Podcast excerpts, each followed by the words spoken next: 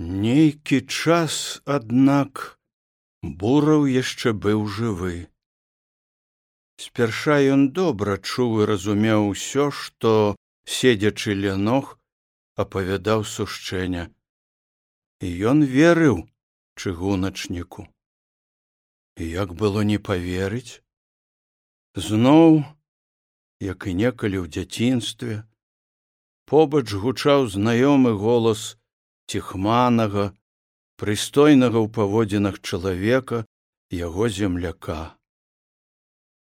Паступова яго загадкавая здрада стала зразумела бураву, і ён дужа шкадаваў, што ледзьве не застрэліў яго. Была б вялікая памылка, якая бадай цалкам лягла б на сумленне бурава. Але, мабыць, яна і дала б жыццё раптам падумаў бураў а так вось здыхай тут праз сваё чуллівае сумленне свае двадцать семь год. Памірай без пары без сям'і дзяцей не пакінуўшы ў свеце нікога страціўшы ўсіх і ўсё без рэшты Праўда затое можа застануцца тыя сушчэнеўскі анеля і малы а можа і ён у іхняй удзячнай памяці. Калі нікалі можа і памянуць добрым словам. Але гэта калі ацалее сушчэння. Без бурава аднак наўрад ці ўцалее. Ён перастаў ужо разумець, хто цяпер ад каго залежыць?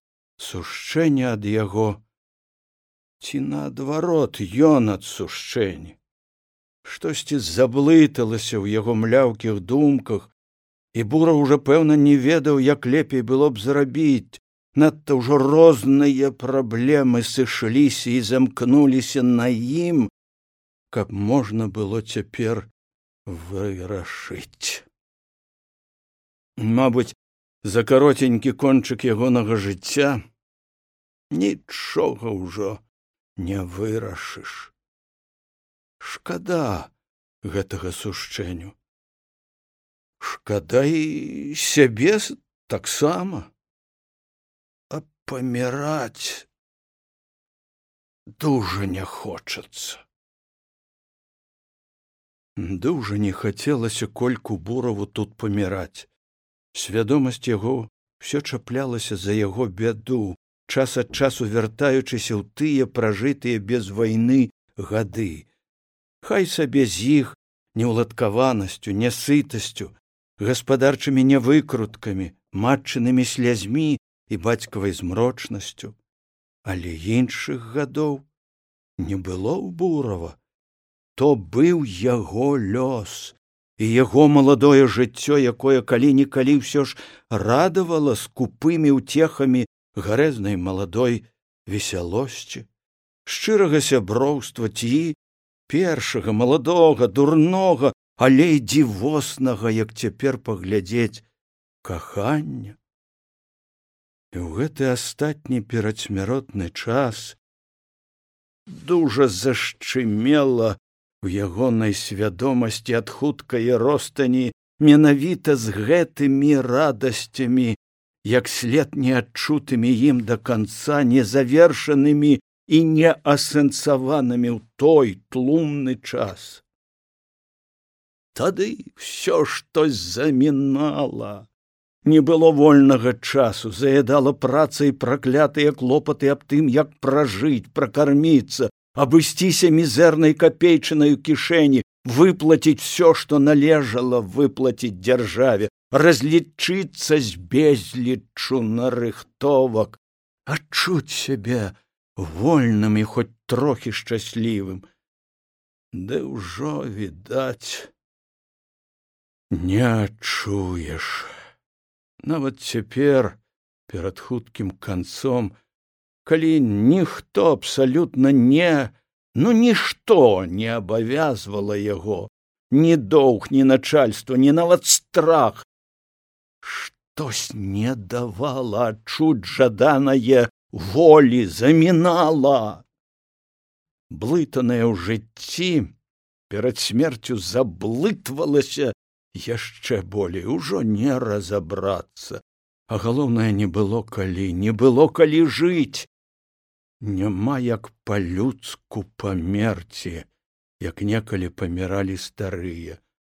Нетаропка скончыўшы ўсе справы аддаўшы все запаветы.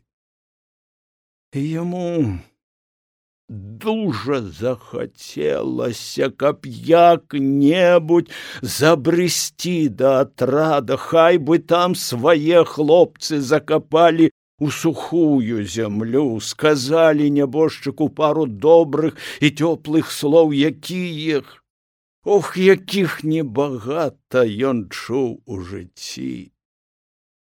Добрае ён бы пачуў і з магілы. Так мала было яму трэба але але і да таго мабыць не дапяцца калі трохі святлела ў свядомасці і ён адчуваў сябе сярод лесавога пошуму тады не адразу з натугай прыпамінаў што побач сядзіць сушчэння пасля перастаў адчуваць дзе ён і хто з ім. Все болей вакол шырэла адзінота і вось ён застаўся адзін.